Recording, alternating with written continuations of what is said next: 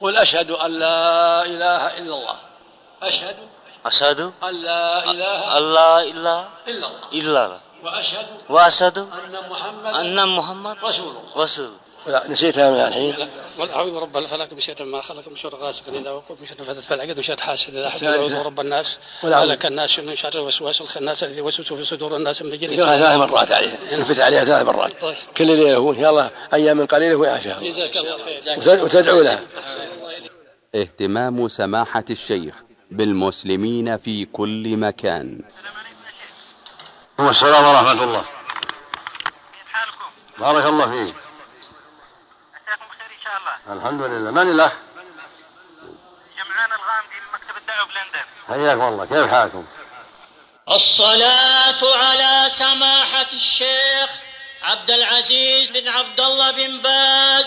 هي حقيقة الموت هي نهاية المطاف هي خاتمة الدنيا كل البشرية تشهد وتعلم وتنطق أن نهايتها أن نهايتها هي الموت وأن منتهى الطريق بالنسبة لها هي الانقطاع عن هذه الدنيا.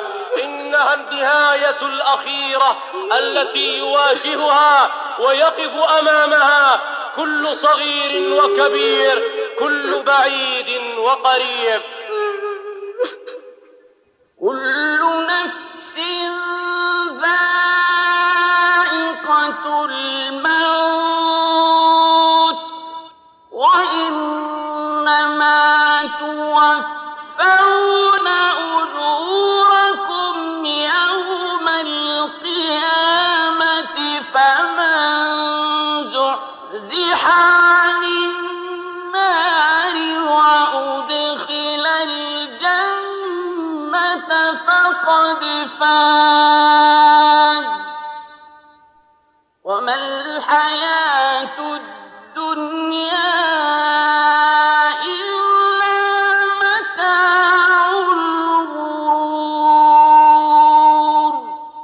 بسم الله الرحمن الرحيم. الحمد لله رب العالمين والصلاة والسلام على أشرف الأنبياء والمرسلين نبينا محمد وعلى آله وصحبه أجمعين. أما بعد فيسر مؤسسة أسمع للإنتاج الإعلامي والتوزيع وبالتعاون مع تسجيلات البردين الإسلامية أن تقدم لكم إصدارها الثاني والأربعين بعنوان عبرات وعبارات عن حياة فقيد الأمة الإسلامية سماحة الإمام عبد العزيز بن عبد الله بن باز رحمه الله وأسكنه فسيح جناته ورفع درجته في المهديين وجمعنا وإياه في دار كرامته. فإلى فقرات الشريط. استووا أقيموا الصفوف تراص أقيموا الصفوف تراص. نتم الأول في الأول وسدوا الهرج. وساووا بين المناكب. الله أكبر. اللهم باعد بيني وبين خطايا كما بعدت بين المشرق اللهم نقني من خطايا كما ينقى الثوب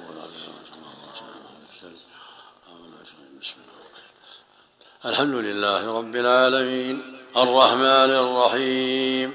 مالك يوم الدين. إياك نعبد وإياك نستعين. اهدنا الصراط المستقيم صراط الذين أنعمت عليهم غير المغضوب عليهم ولا الضالين. آمين. بسم الله الرحمن الرحيم. إذا السماء فطرت وإذا الكواكب انتثرت وإذا البحار فجرت وإذا القبور بعثرت علمت نفس ما قدمت وأخرت. يا أيها الإنسان ما غرك بربك الكريم الذي خلقك فسواك فعدلك. في أي صورة ما شاء ركبك. كلا بل تكذبون بالدين. وإن عليكم لحافظين.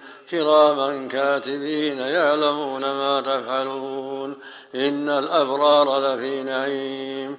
وإن الفجار لفي جحيم يصلونها يوم الدين وما هم عنها بغائبين وما أدراك ما يوم الدين ثم ما أدراك ما يوم الدين يوم لا تملك نفس لنفس شيئا والأمر يومئذ لله مع شرح لدرس من دروس سماحته عن عبد الرحمن بن يزيد عن عبد الله قال قال لنا رسول الله صلى الله عليه وسلم يا معشر الشباب من استطاع منكم الباءة فليتزوج فإنه أغض للبصر وأحسن الفرج ومن لم يستطع فعليه بالصوم فإنه له وجاء. أنتم أنتم من الشباب الآن أنتم مخاطبون بهذا الحديث.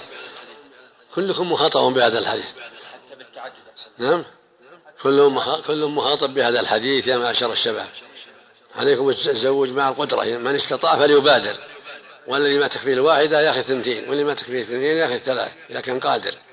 واللي ما يكفيه الثلاث ياخذ الرابعة إذا كان قادر. من استطاع منكم فليتزوج فإنه غض البصر. الرسول قال من استطاع. نعم. اللي ما عنده فلوس يصوم. نعم. اللي ما عنده فلوس يصوم واستعين بالله. إسلام كافر على يد سماحة الشيخ. لا حول ولا قوة الإسلام لا حول ولا قوة إلا بالله. لا عمل حول ولا لا بأس حياه الله سبحان الله سبحان الله سبحان الله. سبحان الله. سبحان الله. حياك الله. بارك الله فيك. من أي البلاد؟ من وين؟ where from نيبال نيبال أفغان؟ نيبال نيبال نيبال نيبال نيبال باي بارك الله فيك. طيب الإسلام هو دين الله. هو الحق الذي لا ريب فيه. من استقام عليه فله الجنة ومن مات على غيره فله النار. النعمة كبيرة الهداية الإسلام أعظم نعمة وأكبر نعمة الهداية الإسلام قل أشهد أن لا إله إلا الله. أشهد أشهد أن لا إله إله إلا الله. إلا الله. وأشهد وأشهد أن محمدا أن محمد رسول الله. رسول معنى ذلك تشهد أن الله هو المعبود بالحق هذا معناه معنى تشهد أن الله فوق السماء فوق العرش. تشهد أنه معبودك الحق وأنه إله وأن ما عبده الناس من دون الله من أصنام أو أشجار أو أحجار أو أنبياء كله باطل. العبادة حق الله. الذي فوق السماء فوق العرش سبحانه وتعالى. ربنا. الله. له الصلاة والصوم والدعاء والخوف والرجاء وكله لله وحده. كما قال تعالى واعبدوا الله ولا تشركوا به شيئا. قال سبحانه وما خلقت الجن والإنس إلا ليعبدون. وهذا هو معنى أشهد أن لا إله إلا الله. معناها أشهد أنه أشهد لا أن- وأنه لا معبود حق إلا الله. إلا الله. وتشهد أن محمد بن عبد الله بن عبد المطلب الهاشمي العربي المكي هو رسول الله. وهو خاتم الأنبياء. فهمنا؟ أيوه. هو هو رسول الله وخاتم الأنبياء ليس بعده نبي. من نوادر الأحاديث والتسجيلات أحاديث الاستجمام. نترككم مع هذا الحديث الودي قبيل تسجيل درس الفجر في منزله رحمه الله. صياح واعتيد زال خبها من أول فيها. همل. ما ما زال. ولا راح لا بيوت. شو شيء؟ الصياح وتيزة لا فيها بيت ها؟ فيها بيت ما بلحت ما بلد سبحان الله. فيها شيء من النخل الهمل؟ شوي. بعد. اي شوي. عبرة أنا خابلها قبل قبل فجأة عيوني. أنا خابلها أنا فيها فيها بيوت خراب بيوت مهملة. اسمع فيها يا شيخ سنة خمسين. ذهب بصري سنة خمسين. سبعين سنة الحين. إلا سنة. سبعين سنة. وجل في طاعة الله أي نعم. أنا أروح أجيب خ- خراف من العصافير. أجيب الرطب.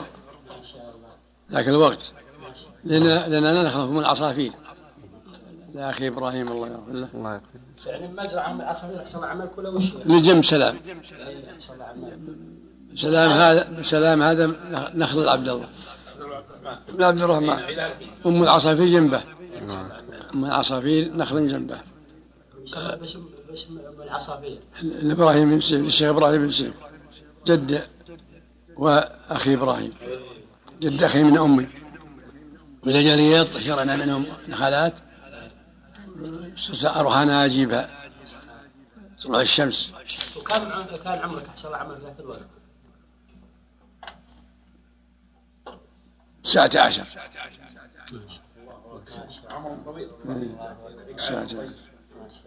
ذهب بصري في أول المحرم سنة خمسين. وأول وجع وجع الوجع الياتاني في ستة وأربعين. السنة اللي مات فيها الإمام عبد الرحمن الله أكبر. إيه. أول مرض يعني في ستة في ستة وأربعين. في ربيع في ربيع آخر ستة وأربعين. هذا قبل الحج عملك فقدت المسح صلى عمل أول مرض في لثبان بقية بالربيع الآخر سنة 46 واستمر المرض والنقص إلى نهاية الحجة. سنة 49 ثلاث سنين. والنقص يحصل. نقص نقص. وفي وفي مستهل المحرم ذهب بالكلية الله.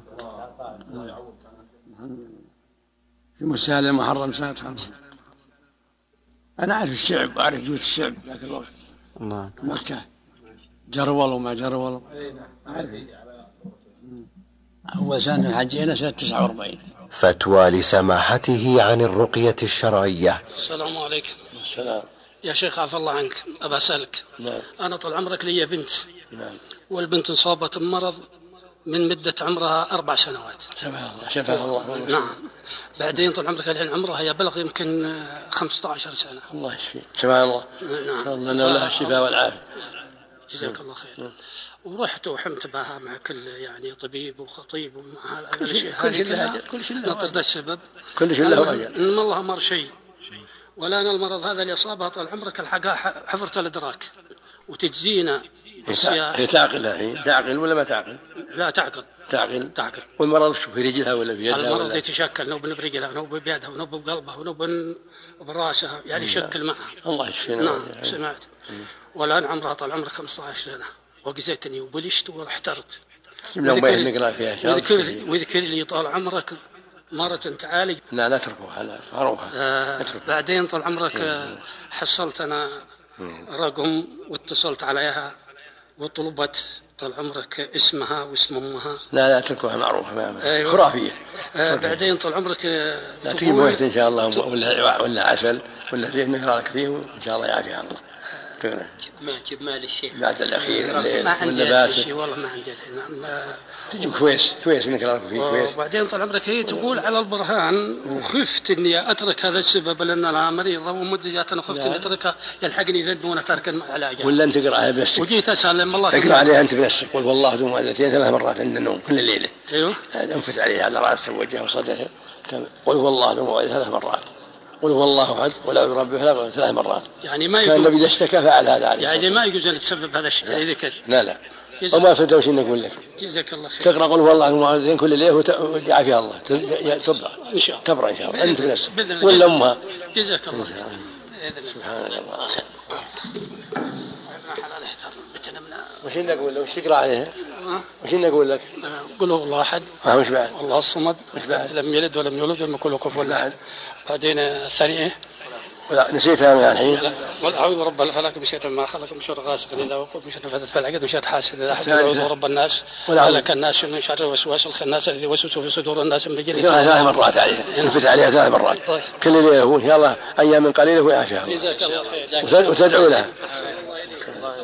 في أمان الله شيخ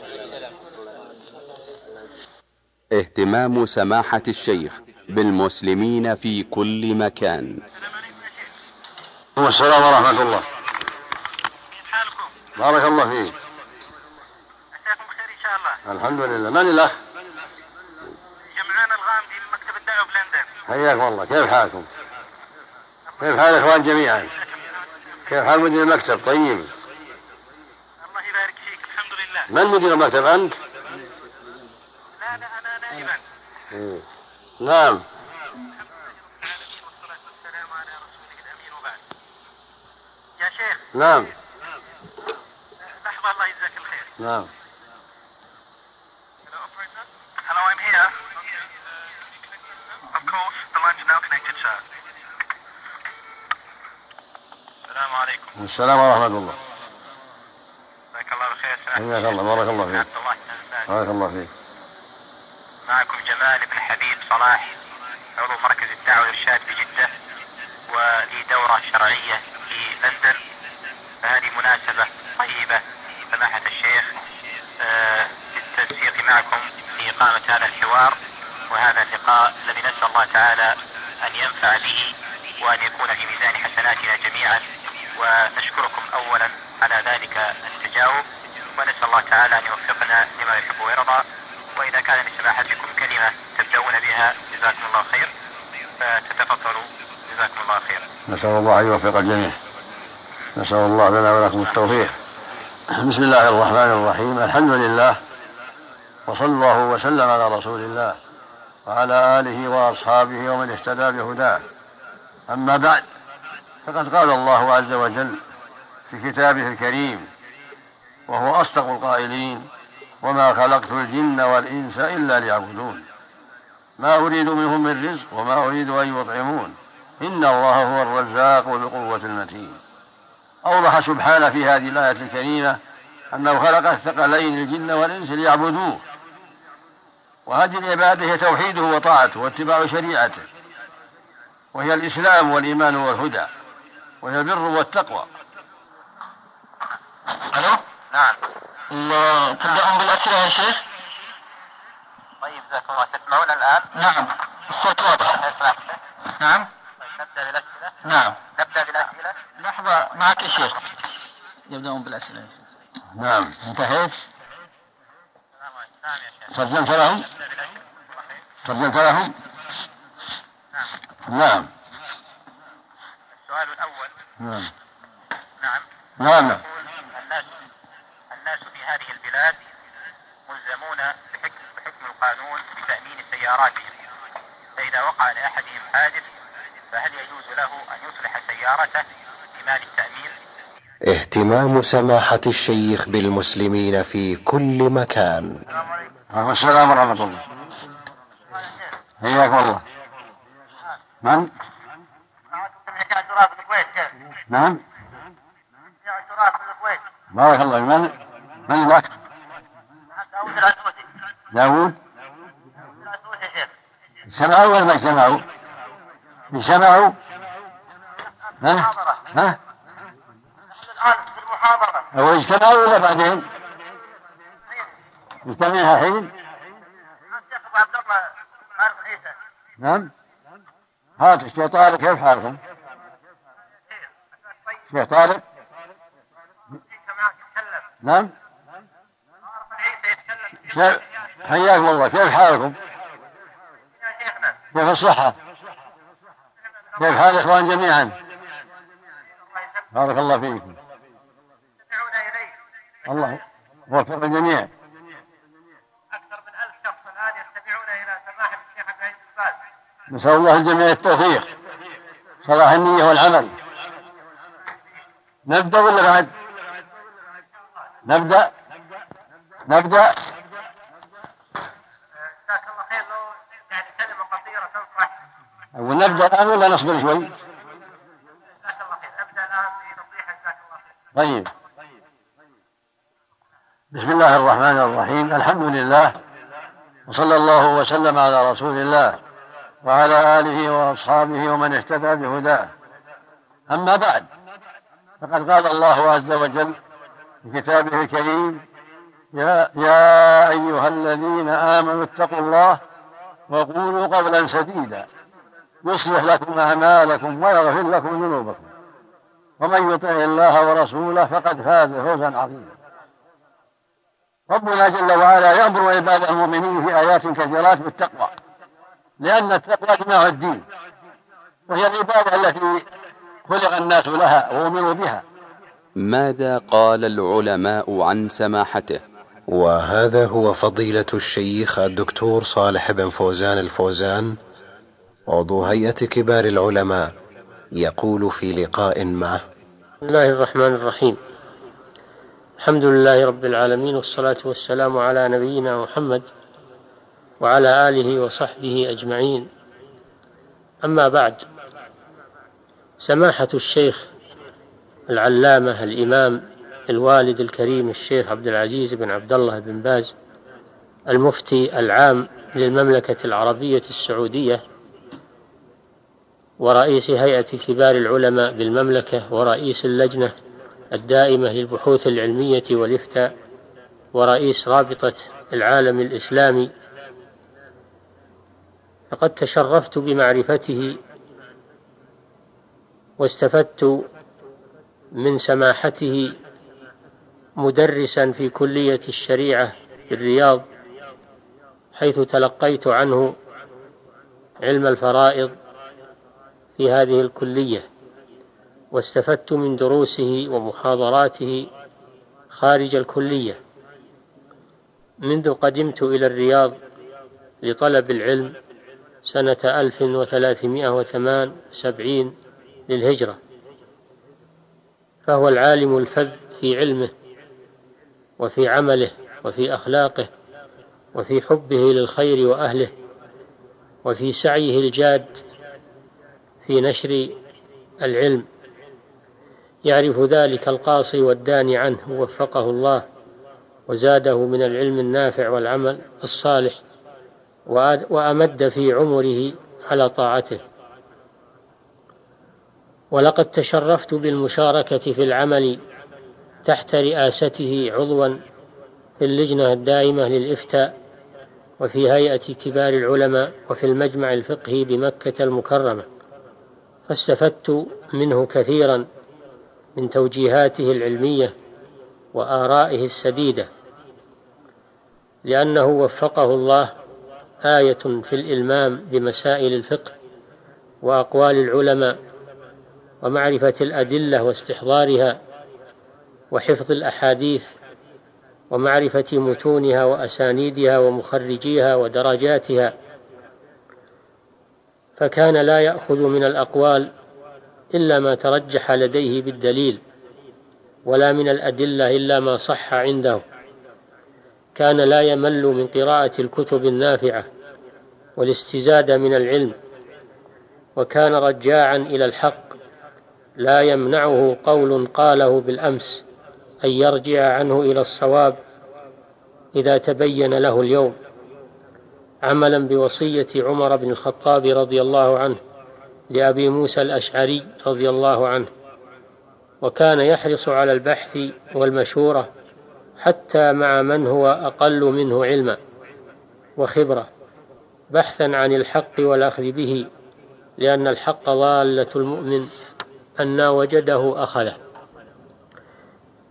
كان يحرص حفظه الله على نفع المسلمين بماله وجاهه وشفاعته يحب المشاركة في المشاريع الخيرية ويساعد المحتاجين ويفتي السائلين شفهيا وهاتفيا وتحريريا. لا يقتصر عمله على الدوام الرسمي فعمله دائم في البيت مع سعة صدر وسماحة بال وتيسر لقاء به. حيث يجلس لاستقبال الناس الساعات الطويلة من كل يوم ويفتح بابه لمن يريد الدخول عليه واللقاء به دون مانع أو حائل مع قيامه بالدعوة إلى الله من خلال الدروس اليومية التي يلقيها في المسجد ويحضرها المئات من الطلاب والمستفيدين ومن خلال المحاضرات التي يلقيها في المساجد والمنتديات واللقاءات فكان لا يتوقف إذا طلب منه إلقاء محاضرة في أي مكان قريب أو بعيد أو طلب منه لقاء أو طلب منه لقاء فقهي يجيب من خلاله على أسئلة الحضور حتى بواسطة المهاتفة من مكان بعيد. وله مشاركات كبيرة. في وسائل الإعلام المقروءة والمسموعة في إلقاء الكلمات والنصائح والإجابة على الأسئلة. وله مواقف عظيمة وكثيرة في الرد على أهل الضلال وكشف شبهاتهم وتعرية باطلهم وبيان الحق. يظهر ذلك من ردوده المطبوعة والمسجلة على الأشرطة ومن كتبه الكثيرة وفي جانب الأمر بالمعروف والنهي عن المنكر كان له دوره الفعال في القيام بهذا الأمر ومساندة ومساعدة القائمين عليه ونصيحة ولاة الأمور حفظهم الله ونصيحة الرعية عملا بقوله صلى الله عليه وسلم الدين النصيحة قلنا لمن يا رسول الله؟ قال لله ولكتابه ولرسوله ولأئمة المسلمين وعامتهم أطال الله في عمره وبارك في جهوده وزاده من العلم النافع والعمل الصالح ومهما قلت فإنني أراني مقصرا في وصف ما لهذا العالم الجليل من جهود عظيمة وما تحلى به من فضائل ذلك فضل الله يؤتيه من يشاء والله ذو الفضل العظيم. ثم إني لا أريد التوسع في القول عنه لأنه حفظه الله لا يحب المدح والثناء ويريد أن يكون عمله خالصا لوجه الله سبحانه وتعالى. ولكن لما سئلت عن ذلك فإنه لا يسعني إلا أن أقول وأجيب بما أعلم لأن للسائل حقا ولأن ذلك من الوفاء لأهل الفضل بذكر شيء من فضلهم للاقتداء بهم ودعاء المسلمين لهم. والله ولي التوفيق ونسأله أن يمد في عمر شيخنا ويزيده من صالح القول والعلم والعمل وصلى الله وسلم على نبينا محمد وعلى آله وصحبه أجمعين. لقاء مع بقية السلف. لقاؤنا في هذه اللحظات مع عالم الأمة وبقية سلفها ومجدد دينها غني عن ضرب الألقاب متجرد من الأوصاف إلا وصف العلم والتقى. ملأ الأرض وقاطنيها حبا وقبولا ولا أجد وصفا وبيانا لضيفنا الكبير إلا أن أرحب باسمكم جميعا أيها الإخوة والأخوات بسماحة الشيخ. عبد العزيز بن عبد الله بن باز مفتي عام المملكة العربية السعودية ورئيس إدارات البحوث العلمية والإفتاء ورئيس هيئة كبار العلماء. فشكر الله لسماحته إجابة الدعوة. وحياكم الله سماحة الشيخ. بارك الله فيك. سماحة شيخنا الكريم آه، الحقيقة أن الإخوة والأخوات آه، بشوق آه، كبير إلى أن يتفضل سماحتكم بلمحة موجزة مقتضبة عن ولادتكم ونشأتكم.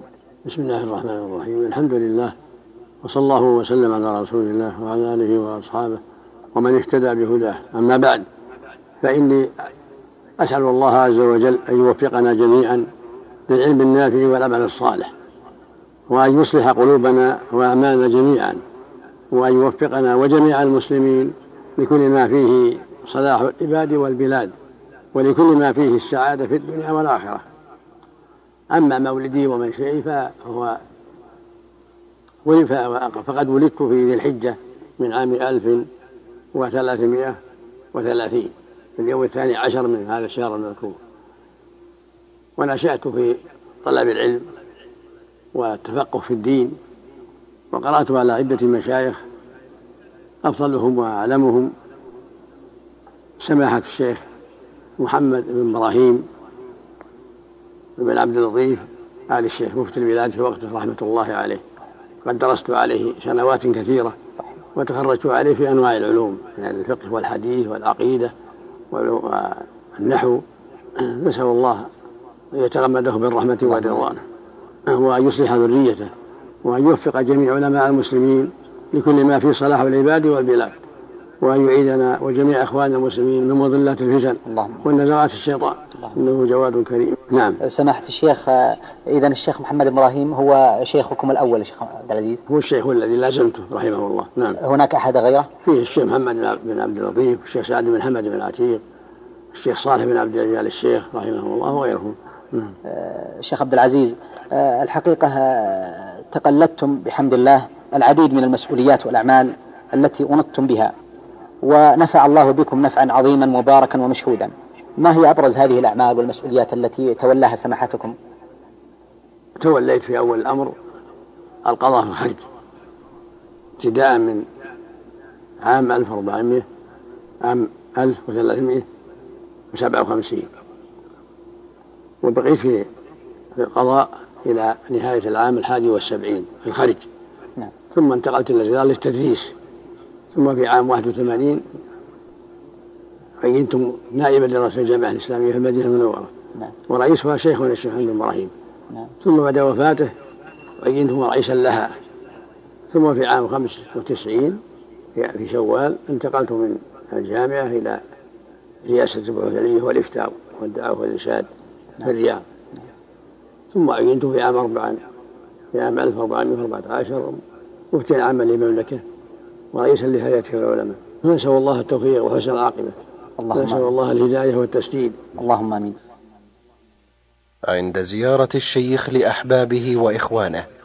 ترى كيف كان المجلس؟ ترى كيف قضي الوقت؟ من يسمع إلى بعض الآيات؟ اللي صوته جيد ورفيع جزاه الله خير. الإمام عندنا إمام. جزاه الله خير. جزاه الله خير. من أراد الأجر كل حرف بحسنة والحسنة بعشر أمثالها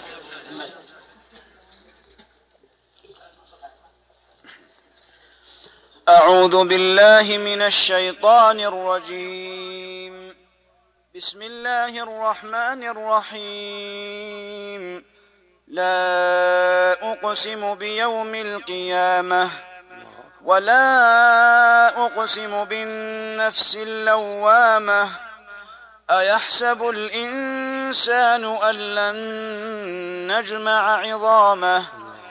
بلى قادرين على أن نسوي بنانه. بل يريد الإنسان ليفجر أمامه. يسأل أيان يوم القيامة. فإذا برق البصر وخسف القمر وجمع الشمس والقمر. يقول الإنسان يومئذ أين المفر؟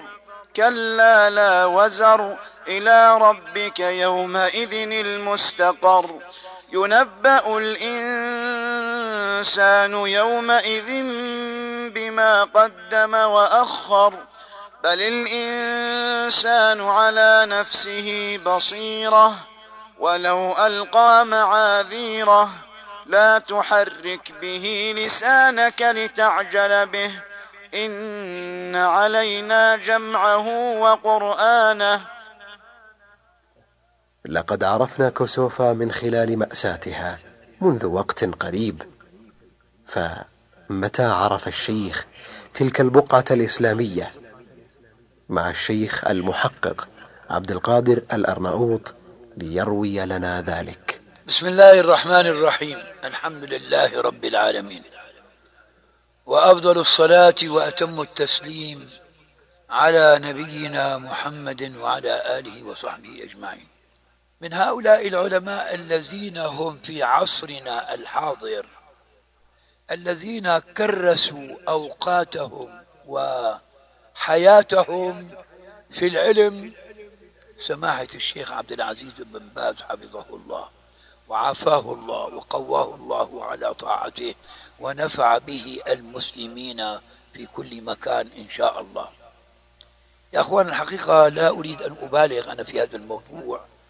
أنا في أيام الشباب كنت اجتمعت بسماحة الشيخ من تقريبا قريب من 37 38 عام سنة 1960 ميلادي يعني 39 عام تقريبا. بزماني ألقيت كلمة في المسجد النبوي. عندما تلوت هذا الحديث ذكرته في مسجد رسول الله صلى الله عليه وسلم كان سماحة الشيخ عبد العزيز ابن باز هو في الجامعة الإسلامية. وهو الذي استلم الجامعة مع المشايخ الذين كانوا معه وكان من جملتهم شيخ عمر فلاتة توفي رحمه الله شيخ حماد الأنصاري توفي رحمه الله وغيرهم من العلماء. والشيخ استمع لهذا الحديث مع بعض طلاب الجامعة وكنت علقت حول هذا الحديث ربع ساعة تقريبا. والشيخ الله يجزيه الخير في ذاك الوقت كنت أنا ما أعرفه سابقا وتعرفت عليه ودعاني إلى طعام غداء كعادته في الكرم. بارك الله فيه فدائما داره مفتوحة ومائدته ممدودة فجزاه الله خيرا. فبالعلم والطعام والكرم والجود والخلق مشهور الشيخ في العالم الإسلامي والحمد لله. وكان لما سمع أنني أتقن اللغة الألبانية طلب مني أن أذهب إلى كوسوفو أو كوسوفا لأنه كوسوفو بيقولوا باللغة الصربية. نحن باللغة الألبانية نقولها كوسوفا. فكنت أذهب بناء على رأي وأمر الشيخ عبد العزيز سماحة الشيخ عبد العزيز بارك الله فيه إلى كوسوفا في كل عام وأجلس هنا وأنتقل من مسجد إلى مسجد وألقي كلمات وأتكلم باللغة الألبانية وكنت آه، أحدث الشباب في كثير من المساجد.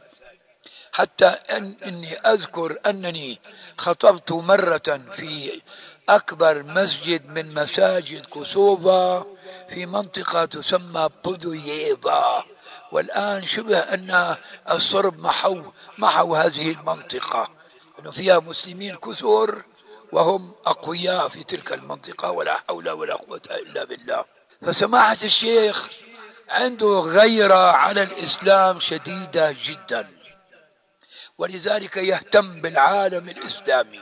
اللهم أنجي المستضعفين من المسلمين في كل مكان. اللهم أنج المستضعفين من المسلمين في كل مكان.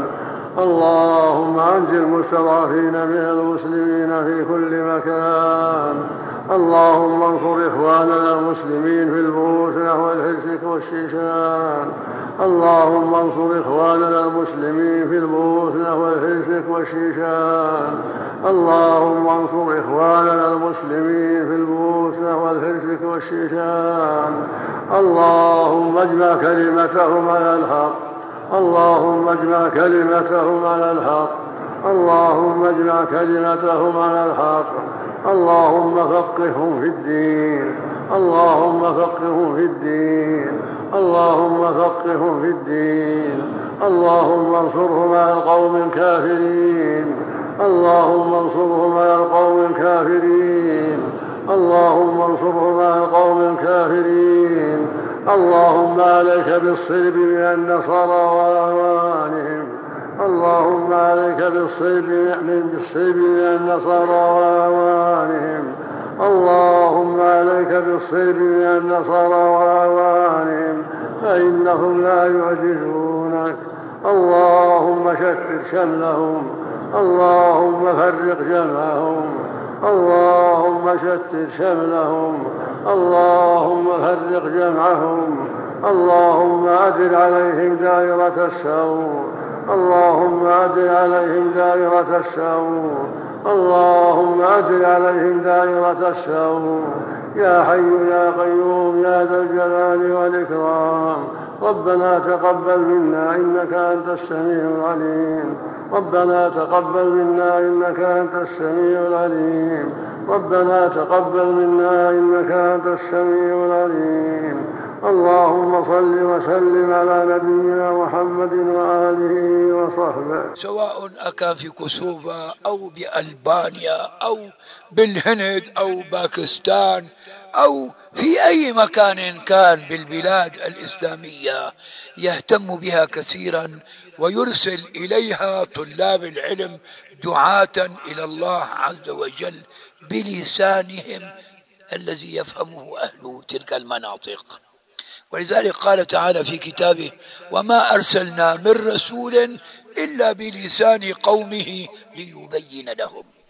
فكان هو السبب جزاه الله عني وعن المسلمين خيرا أن أمرني وأرسلني إلى كوسوفا وكان يطلب مني في كل عام ينبغي أن تذهب وأن تتحدث باللغة الألبانية مع قومك مع أهلك مع أقربائك لكي يفهموا الإسلام كما نزل في القرآن وكما شرعه النبي عليه الصلاة والسلام. وجزاه الله خيرا. فله فضل علي وعلى الدعاة الذين أرسلهم إلى كثير من البلدان الإسلامية. وأكثر الله من أمثاله. وبارك الله في حياته. وجزاه الله خيرا عن الإسلام والمسلمين في كل مكان. يا إخوة الآن أمثال هؤلاء أصبحوا قلائل في العالم الإسلامي. مثل الشيخ سماحة الشيخ ابن باز وغيرهما من العلماء العاملين الذين يعملون ليلا ونهارا لنشر الدعوة الإسلامية. قال تعالى ومن أحسن قولا ممن دعا إلى الله وعمل صالحا وقال إنني من المسلمين فجزى الله خيرا. سماحة الشيخ عبد العزيز بن باز على غيرته على الإسلام. والمسلمين وعلى اهتمامه بطلاب العلم والعلماء والدعوة إلى الله في العالم الإسلامي بجميع لغاتهم. نسأل الله أن يبارك في حياته وأن يعافيه وأن يقويه ويقوينا جميعا على الخير والدعوة إلى الخير والحمد لله رب العالمين. جرت هذه الكلمات في هذه الساعة المباركة إن شاء الله بحضور المشايخ وطلاب العلم جزاهم الله خيرا في يوم الاثنين ليلة الثلاثاء في اليوم السابع عشر من شهر الله المحرم عام 1420 هجرية. نسأل الله عز وجل التوفيق لنا ولكم ولجميع المسلمين وآخر دعوانا أن الحمد لله رب العالمين والسلام عليكم ورحمة الله وبركاته. مع شرح الدرس من دروس سماحته. قالت فلما قضى رسول الله صلى الله عليه وسلم مقالته قلص دمعي حتى ما أحس منه قطرة فقلت لأبي أجب رسول الله صلى الله عليه وسلم عني فيما قال. فقال أبي والله ما أدري ما أقول لرسول الله صلى الله عليه وسلم.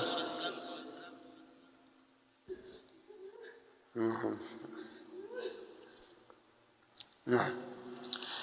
فقلت لأمي أجيبي رسول الله صلى الله عليه وسلم فيما قال. قالت أمي والله ما أدري ما أقول لرسول الله صلى الله عليه وسلم. فقلت وأنا جارية حديثة السن. لا أقرأ من القرآن كثيرا. إني والله لقد علمت لقد سمعتم هذا الحديث. حتى استقر في أنفسكم وصدقتم به. فلئن قلت لكم إني بريئة.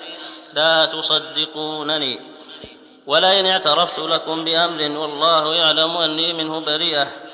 لتصدقني. فوالله لا أجد لي ولكم مثلا.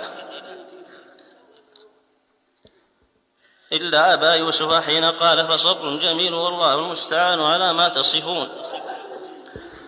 ثم تحولت فاضطجعت على فراشي. والله يعلم أني حينئذ بريئة. وأن الله مبرئي ببراءتي ولكن والله ما كنت أظن أن الله تعالى منزل في شأني وحيا يتلى. لشأني في نفسي كان أحقر من أن يتكلم الله في بأمر. ولكن كنت أرجو أن يرى رسول الله صلى الله عليه وسلم في النوم رؤياه يورئني الله بها. فوالله ما رام رسول الله صلى الله عليه وسلم مجلسه ولا خرج أحد من أهل البيت حتى أنزل عليه.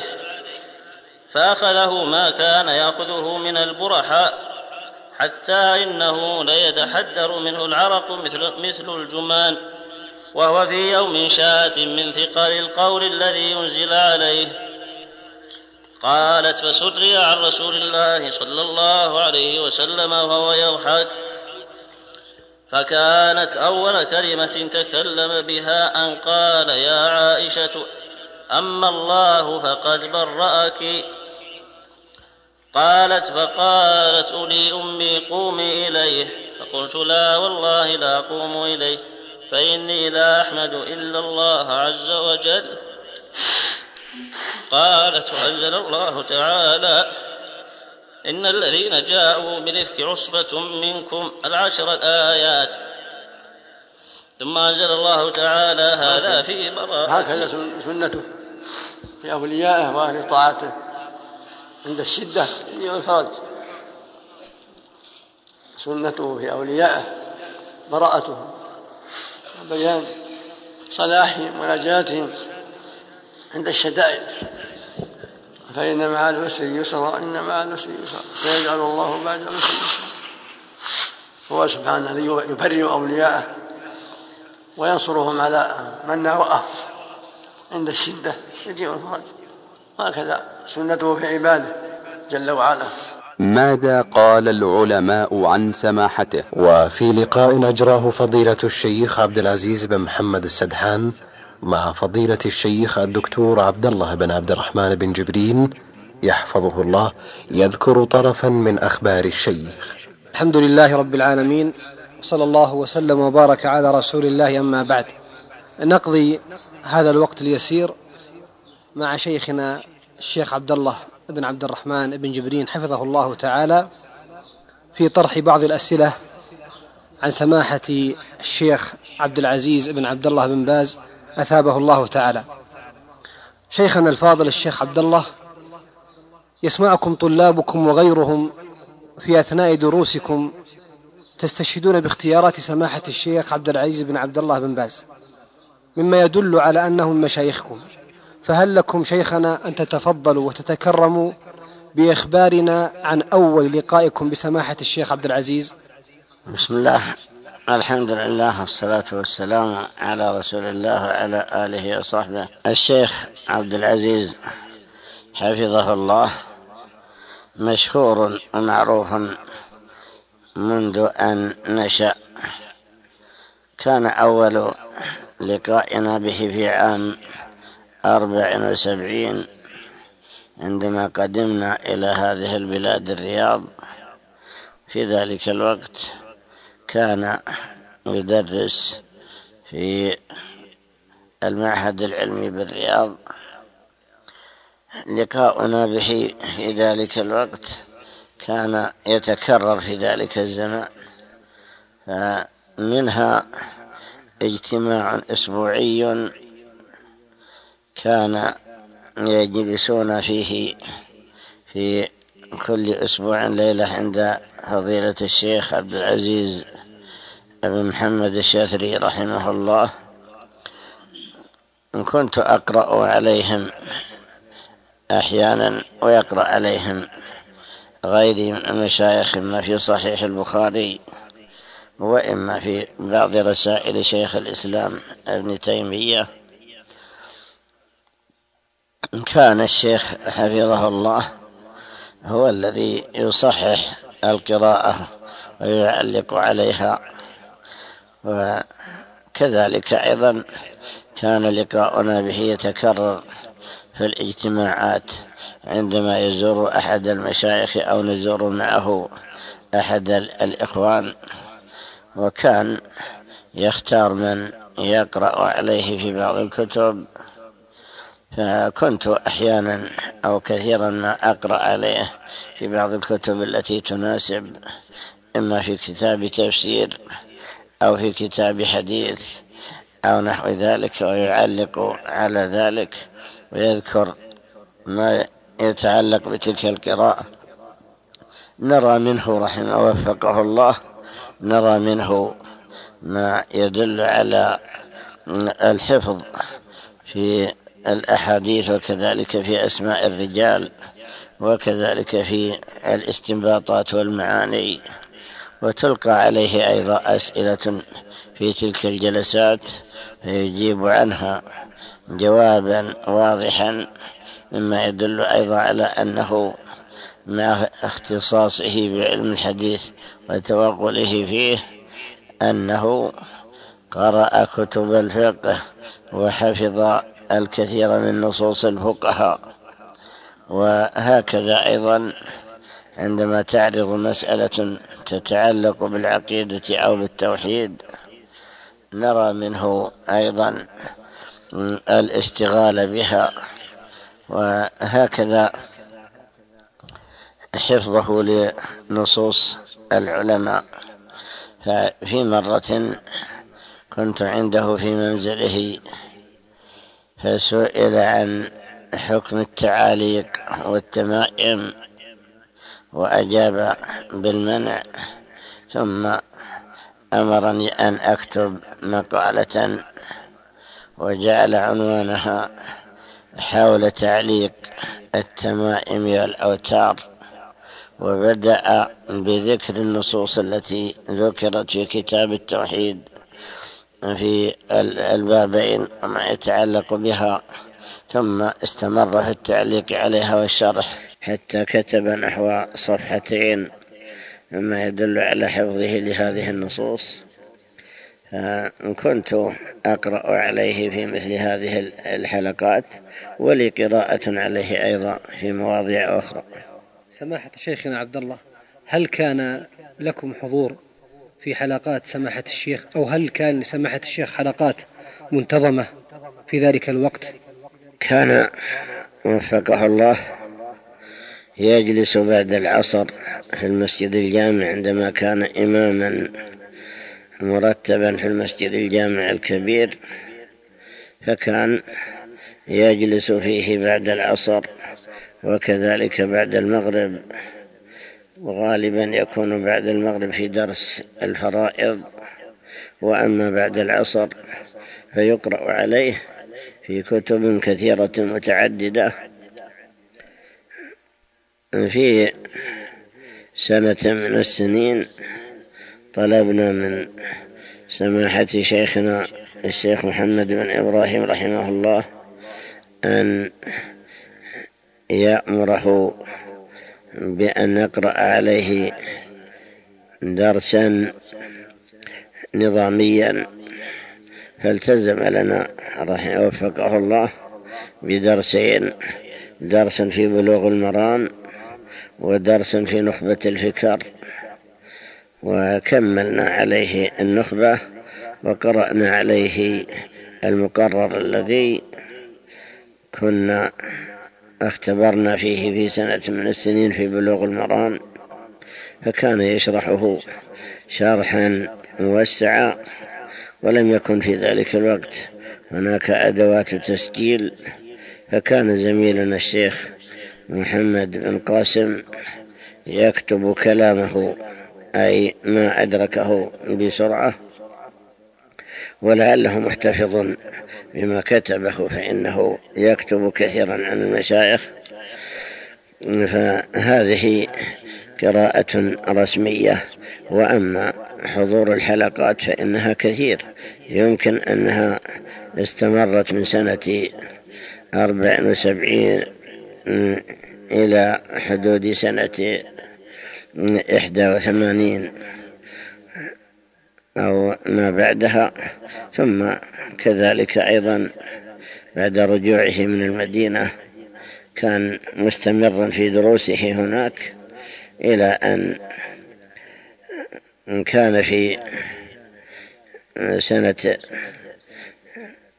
اثنين وتسعين أو ثلاثة وتسعين حيث أنابني مكانه في الصلاة في حالة غيبته ومع ذلك كنت أحضره إذا كان موجودا وأحضر دروسه. وأقيم الدروس إذا, كان إذا لم يكن موجودا كما إذا كان مسافرا. شيخنا عبد الله. نود أن تذكر لنا بعض من زاملكم أثناء دراستكم على سماحة الشيخ. أما الزملاء الرسميون الذين يختبرون معنا فمنهم محمد بن عبد الرحمن بن قاسم وأخوه أحمد والشيخ عبد الرحمن بن محمد بن مقرن رحمه الله. وهو من تلاميذ الشيخ بن باز المختصين به. وتوفي في حدود سنة أربع وتسعين أو قريبا منها. والشيخ فهد بن حمين والشيخ عبد إبراهيم الهلالي. وإبراهيم بن حرقان وكذلك إبراهيم بن خنيزان وقد توفي أكثرهم رحمهم الله. ختام من فضيلة الشيخ للشيخ عبد العزيز مواقف مؤثرة من حيث الزهد ومن حيث الشفقة ومن حيث التربية وما شكلها هل تتذكرون موقفا نختم به هذا اللقاء؟ من ما أثر فيكم ولا زال عالقا في أذهانكم؟ لا شك أنه وفقه الله معروف بذلك. من ذلك ما اشتهر به من كرم وجود وبذل لما لديه من المال. في مرة من المرات قبل ذهابه إلى المدينة اشتكى بعض من جاء إليه كثرة ذوي الفقر وذوي الحاجة والتمسوا منه أن يأمر بجمع جمعية لأولئك الطلاب المنقطعين اقترح على الحاضرين أن يجمعوا لهم جمعية إما شهرية وإما سنوية وإما مقطوعة. وكان في ذلك الوقت يكثر المهاجرون من اليمن ومن الجنوب للدراسة سيما في مدرسة تحفيظ القرآن. وكانت تمسهم حاجة كان الذي يتولى كفالتهم الشيخ محمد بن سنان. فلما انكثر الكلام حولهم رأى أن تؤسس جمعية يجمع فيها شيء من المال. فبدأ هو بالتبرع بخمسين ريالا شهريا يسلمها لابن سنان مع قلة ذات اليد وقلة الرواتب في ذلك الوقت واقترح على الحاضرين. فمنهم من تبرع شهريا ولو بخمسة أو بعشرة ومنهم من تبرع سنويا ومنهم من تبرع بشيء مقطوع ليس لا يتكرر وتولى ذلك محمد بن سنان. شفاه الله واستمر على ذلك على هذا إلى أن سافر. ويمكن أيضا أنه زادها بعدما زادت زاد الدخل أو اقترح زيادتها. أما بالنسبة إلى ما اشتهر به من العطاء فمعروف أنه لا يدخر شيئا وأنه ينفق مما أعطاه الله نفقة من لا يخشى الفقر ولا يدخر شيئا ولأجل ذلك لم يشتهر أنه تملك أملاكا عقارية تغل ولا أنه استغل مكانه لجمع الدنيا ولا للمتاجرة فيها بل كل ما حصل عليه من مرتباته يفرقها في حينها كما هو معروف. وكم ذكر لنا أنه عرضت عليه بعض المصالح أو بعض الأموال أو نحوها فزهد فيها واكتفى بما يبذل له مما هو مرتب له. وقال يكفينا. وكذلك أيضا اشتهر أنه يستضيف كل من زاره من الزوار ويلزمهم أن يكونوا أضيافا له. وكذلك أيضا كثرة الذين يبيتون عنده أو يقيمون حوله والذين يقوم بكفايتهم أو يقوم مرتبات لهم شهرية أو سنوية. وقد وثق به الأثرياء وأهل الخير ورأوا أنه أهل أن يبذل عنده أو يجعل على يده تفريق كثير من الأموال فكان يصرفها في أماكنها. كذلك أيضا اشتهر بشفاعته للمستضعفين وكتابته للأثرياء ونحوهم حتى يجمع لهم ما يخفف عنهم ما تحملوه من الديون وما أشبهها وهكذا شفاعته في كل أمر من الأمور يعرض عليه من بناء مساجد أو تعيين إنسان في أمر مهم أو ملاحظة منكر أو ما أشبه ذلك مما هو قائم به مما لا يحصيه إلا الله ويرجو بذلك الثواب عند الله. ولم نلاحظ أنه اعتذر عن أمر حتى من الأمور العامة التي لا صلة لها بعمله بل يشفع مع كل من استشفع ويكتب ما يطلب منه ولا يتوقف عن ذلك. ما يدل على سماحته وحسن خلقه. جزا الله شيخنا سماحة الشيخ بن باز خيرا على ما قدم ويقدم للإسلام والمسلمين وجزا الله خيرا شيخنا الشيخ عبد الله بن جبرين خيرا على ما قدم ويقدم والله نسأل أن يعين طلاب مشائخنا على البر بمشائخهم وعلى رد جميلهم إنه تعالى سميع مجيب كريم وصلى الله وسلم وبارك على رسول الله.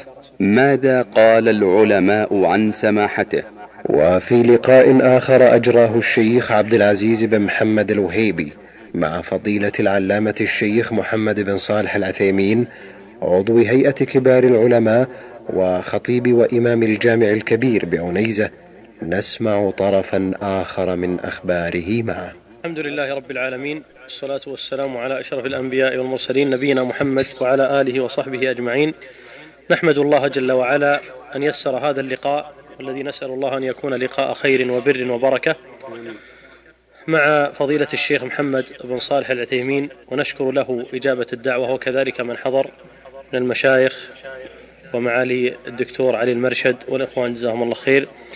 السؤال يقول يا شيخ فضيلة الشيخ محمد بن صالح العثيمين نود من فضيلتكم أن تحدثونا عن بداية طلبكم العلم عامة. وكيف كان على يد سماحة مفتي عام المملكة وما هي الكتب التي درستموها عند سماحته؟ وهل تذكرون لنا أسماء من زاملكم الطلب على يدي سماحته؟ وما هي أبرز الصفات والسجايا التي يتمتع بها سماحته؟ وهل تذكرون مواقف مؤثرة من دروس سماحته؟ وما هي أهم الفوائد التي خرجت بها من تلك الدروس؟ كم من سؤال هذا؟ هذا الشيخ محمد جزاه الله خير جامعها لكن على أجل أول فأول. طيب الأول الله يرعاك. يقول آه الحديث عن بداية طلبكم العلم عامة. نعم. بسم الله الرحمن الرحيم. أشكر الله سبحانه وتعالى أن هيأ هذا اللقاء مع إخواننا ومن بينهم معالي رئيس تعليم البنات الدكتور علي المرشد.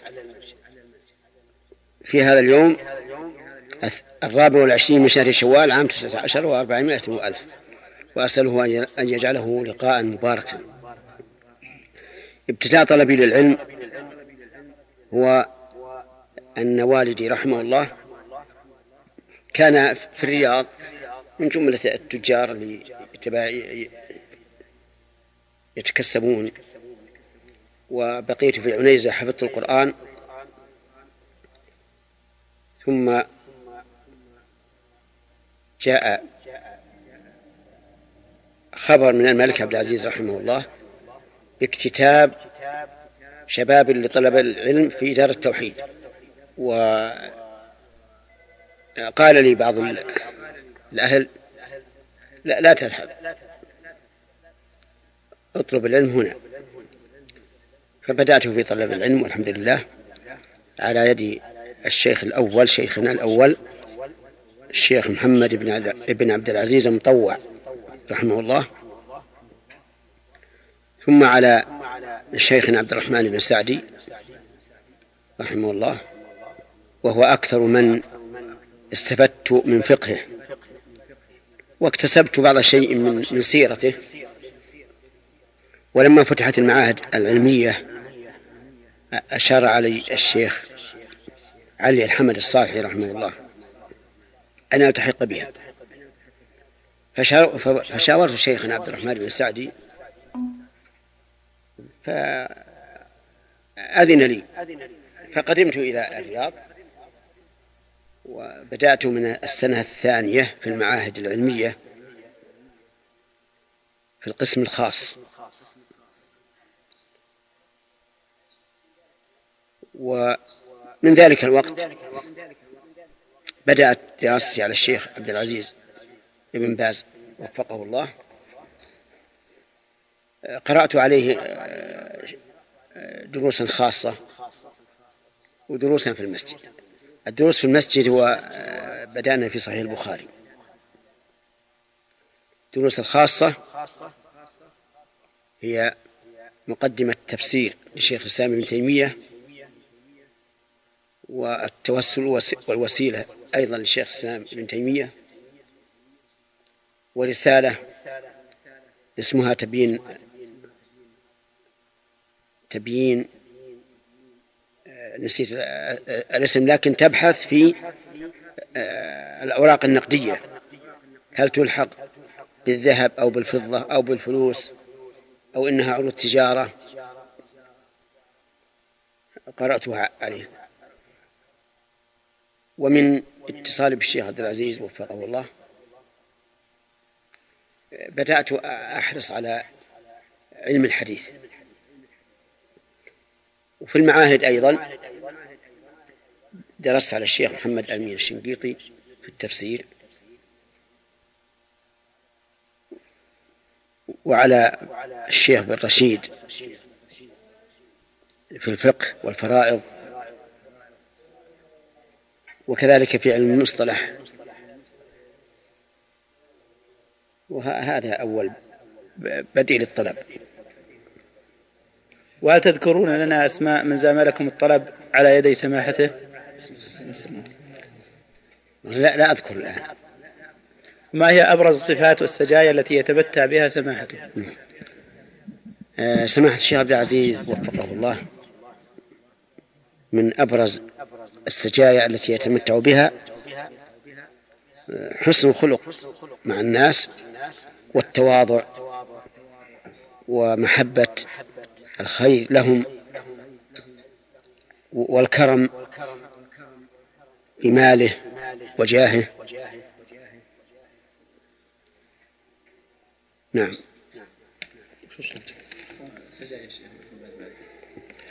وهل تذكرون مواقف مؤثرة من دروس سماحته؟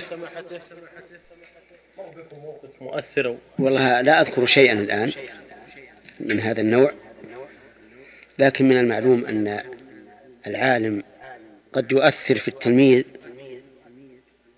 من أخلاقه ومنهجه أكثر مما يؤثر فيما إذا درس عليه. وما هي أهم الفوائد التي خرجتم بها من تلك الدروس؟ أهمها هو أن الميل إلى كتب الحديث والمصطلح. نعم. جزاكم الله خير بارك الله أحسن الله إليك. فماذا يقول أحد المرافقين له باستمرار؟ ها هو يعرف بنفسه ويقول. الحمد لله رب العالمين والصلاة والسلام على أشرف الأنبياء والمرسلين نبينا محمد عليه أفضل الصلاة وأتم التسليم.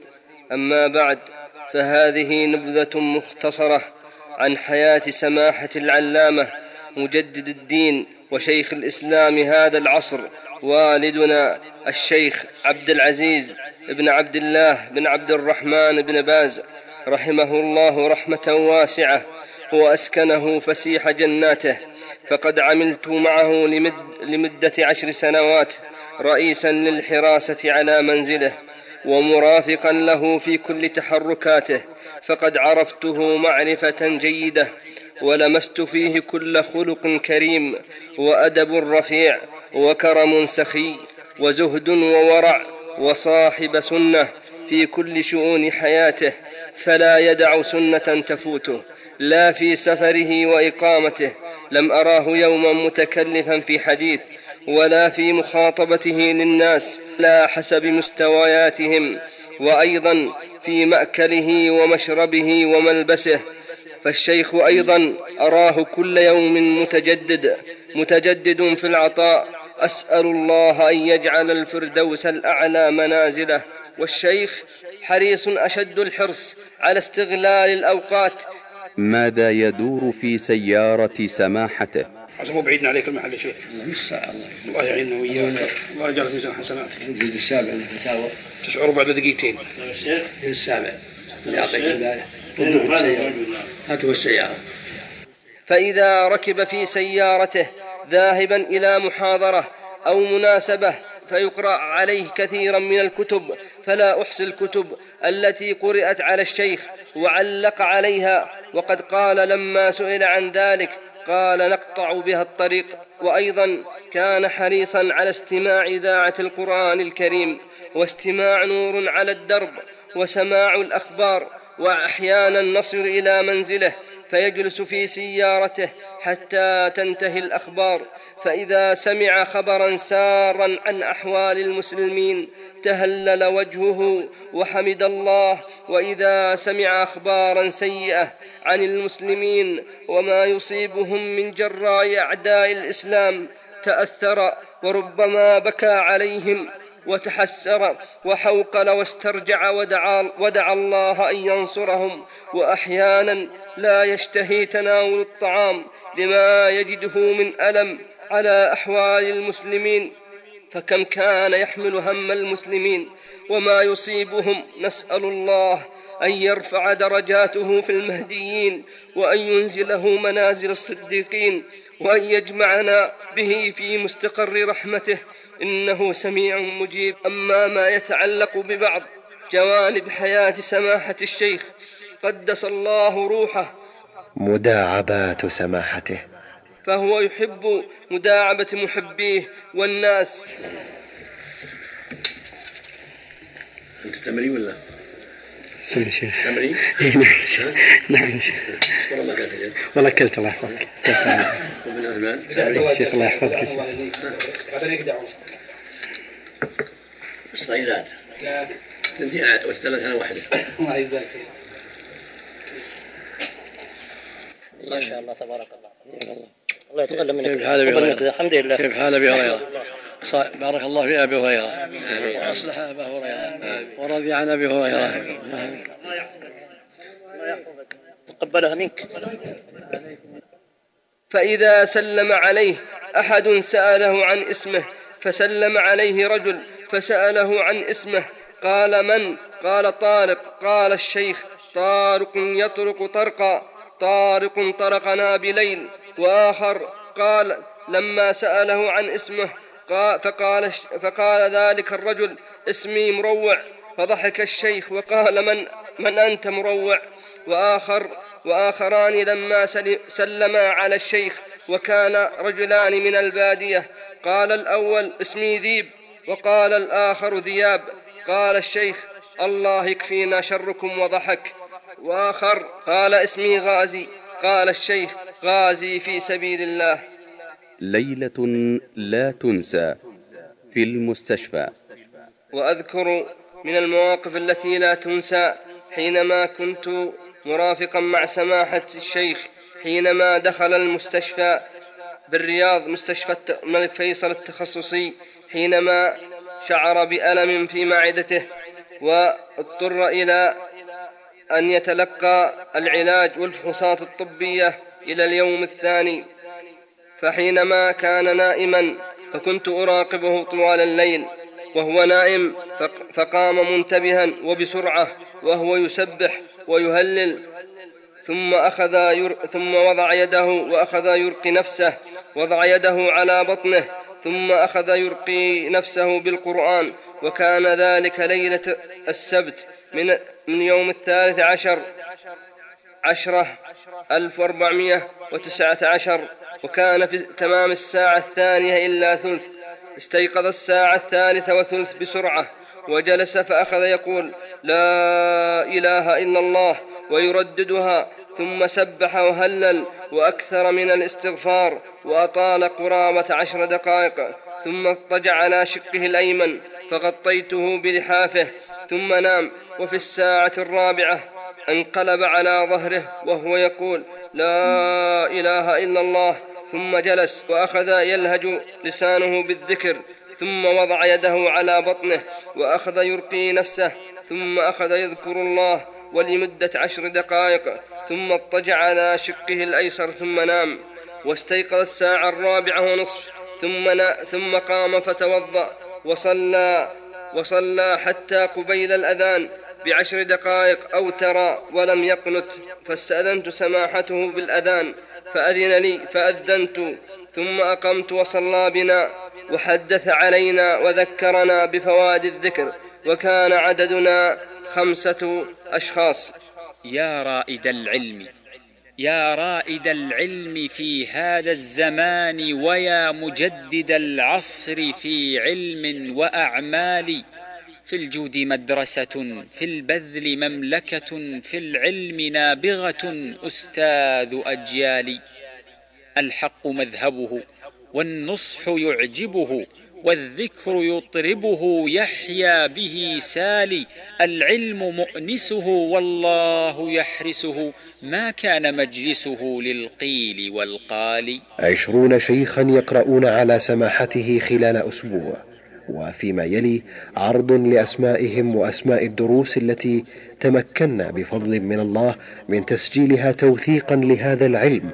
من هذا العلم. ويقرأ على سماحته فضيلة الشيخ فهد بن حمي الفهد عضو هيئة التدريس بجامعة الإمام محمد بن سعود سابقا ويقرأ في كتاب إغاثة اللافان ويقرأ على سماحته فضيلة الشيخ عبد العزيز بن عبد الله الراجحي المدرس في كلية أصول الدين قسم العقيدة والمذاهب المعاصرة ويقرأ في كتاب صحيح البخاري وكتاب الروض المربع وكتاب سنن النسائي وكتاب فتاوى ابن تيمية وكتاب المنتقى.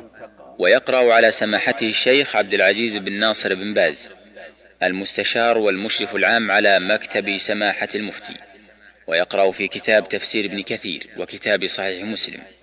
ويقرأ على سماحته فضيلة الشيخ عبد العزيز بن إبراهيم بن قاسم القاضي بمحكمة الرياض الكبرى ويقرأ في كتاب صحيح البخاري وكتاب الفوائد الجلية وكتاب زاد المعاد. ويقرأ على سماحته فضيلة الشيخ الدكتور عمر بن سعود العيد المدرس في جامعة الإمام محمد بن سعود كلية أصول الدين قسم العقيدة والمذاهب المعاصرة ويقرأ في كتاب تفسير ابن كثير وكتاب سنن أبي داود. ويقرأ على سماحته فضيلة الشيخ الدكتور صالح بن عبد العزيز العقيل المدرس بجامعة الإمام محمد بن سعود كلية الشريعة قسم الفقه. ويقرأ في كتاب صحيح مسلم. ويقرأ على سماحته فضيلة الشيخ سلطان بن عبد المحسن الخميس المحاضر بجامعة الملك سعود سابقا. يقرأ في كتاب مسند الإمام أحمد وكتاب سنن ابن ماجه وكتاب سنن الدارمي. ويقرأ على سماحته فضيلة الشيخ عبد المحسن بن عبد الله الزامل المرشد الديني في الأمن العام ويقرأ في كتاب سنن الترمذي. ويقرأ على سماحته فضيلة الشيخ عبد العزيز بن محمد السدحان المدرس في الكلية التقنية ويقرأ في كتاب صحيح البخاري. ويقرأ على سماحته فضيلة الشيخ سعد بن عبد الله البريك المدرس في كلية إعداد المعلمين. ويقرأ في كتاب فتح المجيد وكتاب الموطأ. ويقرأ على سماحته فضيلة الشيخ عبد الله بن صالح القصير الموجه بمركز الدعوة والإرشاد التابع لوزارة الشؤون الإسلامية. ويقرأ في كتاب شرح السنة للبغوي. ويقرأ على سماحته الشيخ أحمد بن راشد العرفج ومدير مدرسة عمرو بن العاص الابتدائية سابقا ويقرأ في كتاب تفسير ابن كثير.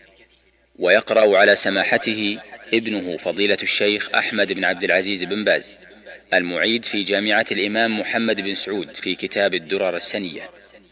ويقرأ على سماحته الشيخ فهد بن عبد الله الصقعبي ملازم قاضي في محكمة الرياض المستعجلة.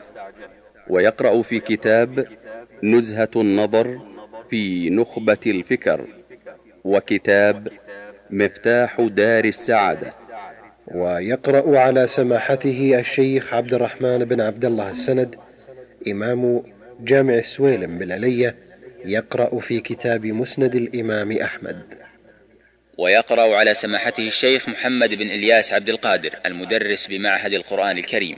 ويقرأ في كتاب رياض الصالحين وكتاب الوابل الصيب وكتاب كشف الشبهات وكتاب العقيدة الواسطية وكتاب وظائف رمضان وكتاب شروط الصلاة وكتاب القواعد الأربع وكتاب بلوغ المرام كتاب الصيام من المنتقى وكتاب الجواب الكافي.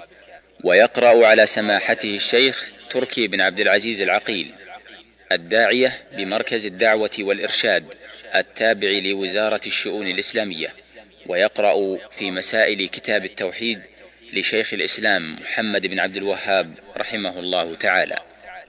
ويقرأ على سماحته الشيخ عبد اللطيف بن عبد المحسن البقمة المدرس بمدارس الأبناء بوزارة الدفاع والطيران ويقرأ في كتاب التوحيد لشيخ الإسلام محمد بن عبد الوهاب رحمه الله تعالى. ويقرأ على سماحته الشيخ عبد الله عامر ويقرأ في كتاب صحيح مسلم.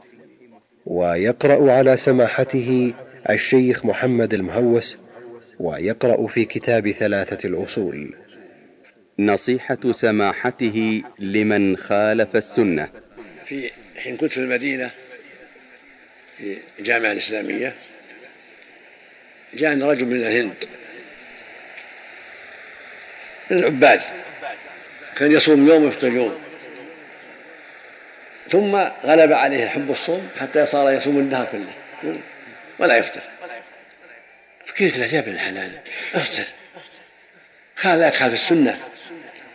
قال يا يا أخي ما عاد أستطيع أفطر. ما أشتهي شيء في النهار أبدا. ما أستطيع أفطر أبدا. لما اعتاد هذا صامت نفسه. ما عاد يشتهي أكل ولا شيء. صار دائما دائما صائم هذا من من من ثمرات التعنف. نعم. يقول لي ما عاد أستطيع آكل ابدا. صايم الدهر كله. يا رائد العلم في هذا الزمان ويا مجدد العصر في علم وأعمال. في الجود مدرسة في البذل مملكة في العلم نابغة أستاذ أجيال الحق مذهبه والنصح يعجبه. والذكر يطربه يحيا به سالي العلم مؤنسه والله يحرسه ما كان مجلسه للقيل والقال. فقد وصفه أحد الكتاب يوما فقال إذا تكلم في الحديث قلت لا يعرف إلا الحديث وإن تكلم في الفقه قلت هذا فقيه فقط وإن فسر القرآن قلت هذا ابن كثير. وإن قرر في العقيدة قلت هذا ابن خزيمة وإن تكلم في الزهد والرقائق قلت ابن الجوزي أو ابن القيم. ليست الدهشة من هذا كله الدهشة هي من أسلوب تعامل هذا الشيخ مع هذه الوجوه المتغايرة وقدرته على إعطاء كل ذي عقل حقه. تذكرت كيف وصف شيخنا يوما بأنه من العلماء العاملين الذين يطغى العمل عندهم على القول. كيف لا؟ وهو يمارس فعليا وظائف وأعمالا رسمية تزيد على الاثني عشر عملا. يا إلهي رجل شارف عمره على التسعين ويمارس كل هذه المهام فضلا عن المهام الأخرى غير الرسمية. وقفة. يا شيخنا لست شاعرا حتى أمدح شعرا ولست راجزا حتى أمدح نظما ولكن فحياك الله يا شيخنا وبياك وجعل الجنة مثوانا ومثواك. فالجميع كل منهم لو تكلم لا طال الدعاء والثناء. يا والدنا إن من عاجل بشرى المؤمن أن ينشر الله سمعته وذكره. ونحسبك والله حسيبك. ولا نزكي على الله أحدا. قد أعلى الله مقامك ورفع ذكرك. فنسأل الله تعالى أن يحفظك للإسلام وأن يحفظك للمسلمين. وأن يزيدك توفيقا وأن يكبت حاسديك وأن يشنأ بمبغضيك. فالألسنة تلهج بالدعاء لك. فاحمد الله يا شيخنا. فإن هذا من نعمة الله العظيمة على عبده. والله نسأل أن يجعلك خيرا مما نظن وفوق ما نظن وأكثر مما نظن. يا شيخنا يجزيك من خلق الورى خيرا ويغدق أجره مدرارا. باز تصيد قلبي ثم طار به إلى سماء الهوى فلترحم حالي. يا لائمي لا تلمني لم سماحته سبى فؤادي واستولى على بالي. يا ربي يا سامعا صوتي ومسألتي أدعوك يا رب في صدق وإجلال أدعوك يا مبدع الأفلاك من عدم وخالق الناس من طين وصلصال. أطل لنا عمر هذا الشيخ إن لنا بمثله خير أمجاد وآمال. واحفظه من كل سوء واحمه أبدا من أي ضيم وأسقام وأنكال وزده علما ونورا واحم طلعته يوم القيامة من حر وأهوال. منذ أن أشرقت شمس الهداية ورفرفت راية الإسلام وقامت دولة الإسلام على يد المؤسس الأول رسول الله صلى الله عليه وسلم وسفينة الخير لكل الناس تدعو وتجاهد بالكلمة الطيبة والنصيحة المحببة. وسارت هذه السفينة في عهد الصحابة رضي الله عنهم بكل تؤادة وأمان تمخر عباب البحار فتضرب فيها أمواج الجهل والظلمات وهي تسير بتوفيق من الله ونور منه. يحافظ عليها السلف ويرعاها جيل بعد جيل من سلف هذه الأمة. ومرت أيام مظلمة على هذه السفينة. عاش الناس فيها في جهل وشرك وخرافات ردحا من الزمن. ولكن رحمة الله قريب من المؤمنين. فقيض الله لهذه السفينة. من يعيد لها توحيدها وقوتها. متخذا من سنة النبي الكريم صلى الله عليه وسلم قدوة ومنهاجا. فكان شيخ الإسلام المجدد محمد بن عبد الوهاب رحمه الله والإمام محمد بن سعود رحمه الله اللذين قاما بتربية جيل من الأمة ما زال خيره علينا حتى هذه الليلة عندما أطل علينا أحد تلاميذ شيخ الإسلام البارزين في مجال الدعوة الصادقة والنصيحة المخلصة والجهاد الواضح والعلم الصحيح ألا وهو سماحة والدي وشيخنا عبد العزيز بن عبد الله بن باز مفتي عام المملكة. ورئيس هيئة كبار العلماء والذي ما فتئ على درب المجدد يسير حرصا على توحيد القلوب على الدين والخير وحرصا على تأليف قلوب المؤمنين يبذل الوقت في الفتوى والتدريس والدفاع عن الدين ويفرح بمساعدة المحتاجين ومد يده للمعسرين في الداخل والخارج جعل الله ذلك كله في ميزان حسناته. أيها الأحبة وجه سماحة الشيخ كلمة في آخر ليلة قضاها في مدينة الرياض. قبيل رحيله إلى الطائف. ترى ترى ترى. ماذا قال سماحته؟ الحمد لله صلى الله وسلم على رسول الله وعلى آله وأصحابه ومن اهتدى بهداه. أما بعد فيقول الله جل وعلا يا أيها الذين آمنوا اتقوا الله ولتنظر نفس ما قدمت لغد واتقوا الله إن الله خبير بما تعملون. ولا تكونوا كالذين نسوا الله فأنساهم أنفسهم. أولئك هم الفاسقون. لا يستوي أصحاب النار وأصحاب الجنة. أصحاب الجنة هم الفائزون. ربنا عز وجل يأمر المؤمنين في هذه الآية بأن يتقوه وفي آيات كثيرات يأمر عباده بالتقوى لأنها جماع الخير. من اتقى الله تمت له السعادة. كما أمر الناس جميعا بذلك. قال تعالى يا أيها الناس اتقوا ربكم الذي خلقهم من نفس واحدة. يا أيها الناس اتقوا ربكم إن زلزلة الساعة شيء عظيم.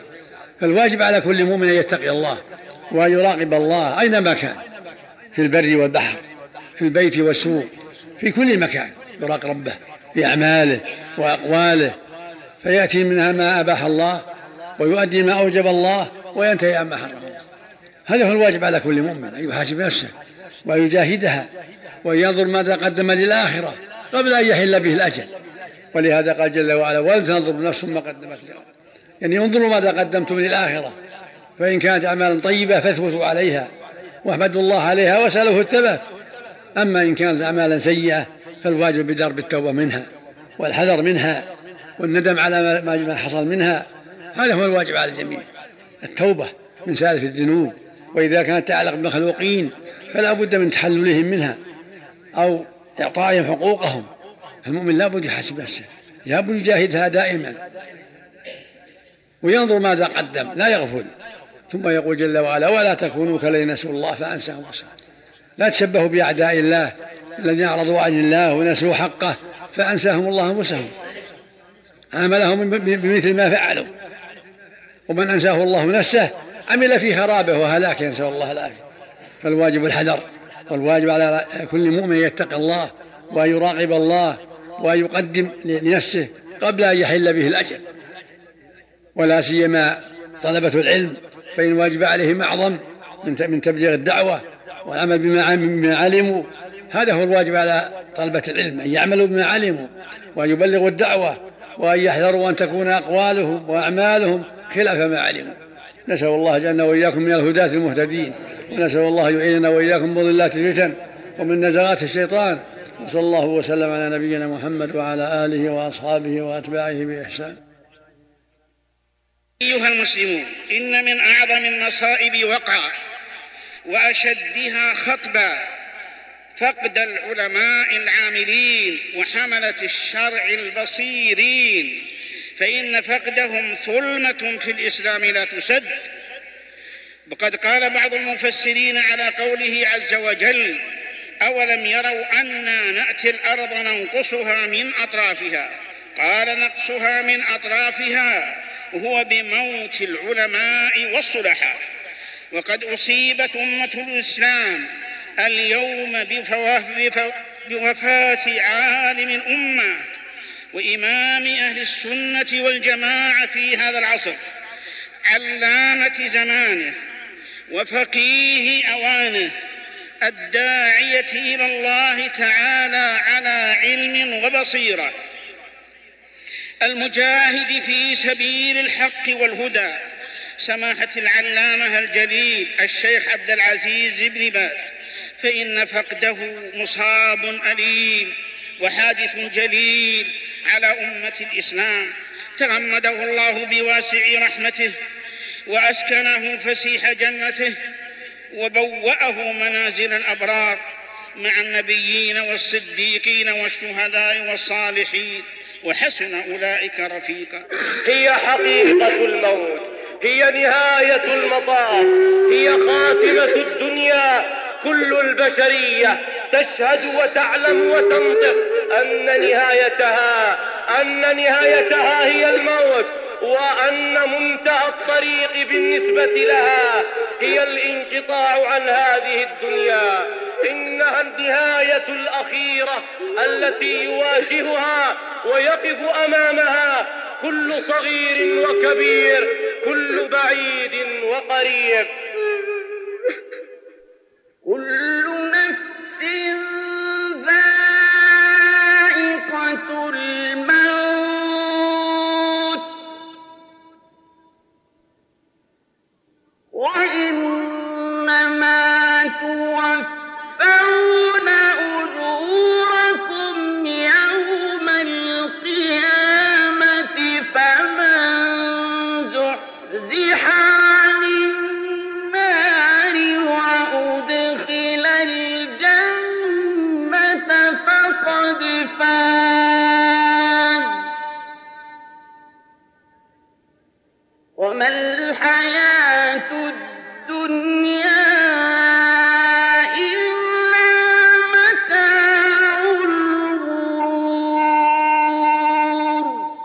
الصلاة على سماحة الشيخ عبد العزيز بن عبد الله بن باز.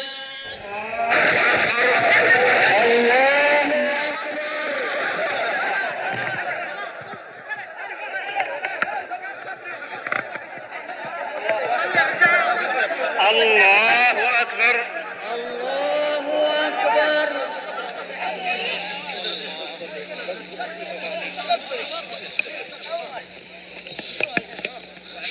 الله أكبر الله أكبر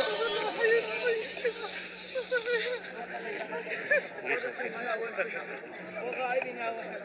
اغفر له اللهم اغفر للشيخ عبد العزيز وعفوه واكرم واسع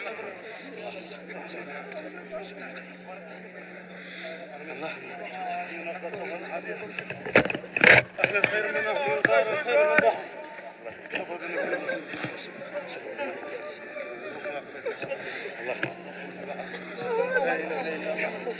اللهم لا تحرمنا كما ينقى ثوب العلية من الدنس الله أكبر. الله أكبر. السلام عليكم ورحمة الله. السلام عليكم ورحمة الله. صلوا صلاة الغائب على سماحة الشيخ عبد العزيز بن عبد الله بن نازل الله يغفر له ويرحمه. ولقد علمتم يا عباد الله أنه فجر يوم الخميس الماضي في السابع والعشرين من محرم سنة ألف وأربعمائة وعشرين للهجرة قضى الله قضاءه بالحق فألحق بالرفيق الأعلى الشيخ الإمام حسنة, حسنة الأيام شيخ الإسلام العلامة الحبر البحر الفهامة مفيد الطالبين. المحفوف بعناية رب العالمين ناصر السنة قامع البدعة العالم السلفي النقي الورع الزاهد الشيخ عبد العزيز ابن عبد الله بن باز رحمه الله. جاءه الأجل فشق إليه الطريق وأماط عنه حياطة الشفيق ونضى عنه طب كل طبيب فقبض ملك الموت وديعته في الأرض ثم استودع مسامعنا من ذكره اسما باقيا ومحى عن الأبصار من شخصه رسما فانيا فالحمد لله بارئ النسمات بما شاء ومصرفها فيما شاء وقابضها حيث شاء. اللهم هذا عبدك وابن عبدك نشأ في المأمور به من طاعتك ومات على الحق في عبادتك وعاش ما بينهما مجاهدا في سبيل دينك ناطقا بالحق في مرضاتك ذابا بقلمه ولسانه عن كتابك وسنة رسولك. لقد مات القاضي والمفتي والداعية المصلح والرئيس والإمام والمعلم والمكرم للضيف والحنون على الأرامل والأيتام ومطعم المساكين والواسطة في الأمور الخيرة. مات الذي بذكره بعد ذكر الله ونبيه صلى الله عليه وسلم تتعطر الأفواه وبمجالسته تطيب القلوب وبالأخذ منه تستنير العقول. يقول طلابه والله إذا قست قلوبنا جلسنا بين يديه فانجلت تلك القسوة وزالت تلك الغشاوة وأحسسنا بروح وإيمان وقوة في الطاعة والعبادة. مات الذي أحبه الصغير قبل الكبير فقد وهبه الله سبحانه القبول في الأرض. يحبه ويجله القاصي والداني والصغير والكبير والمرأة. مات الذي أحبه الصغير والكبير والمرأة والرجل. والعزيز والوضيع وغيره. أهكذا البدر تخفي نوره الحفر ويذهب العلم لا عين ولا أثر. خبت مصابيح كنا نستضيء بها وطوحت المغيب الأنجم الزهر عرف رحمه الله بأنه كان معطاء يستقبل الوفود ويقضي حوائجهم ما استطاع. يراجع مسائلهم. ذكر له في بعض المجالس حالة من واقع المجاهدين الأفغان آنذاك وما يصيبهم من برد وجوع فأخذت عينه تدمع حتى قام من مجلسه وهو يبكي.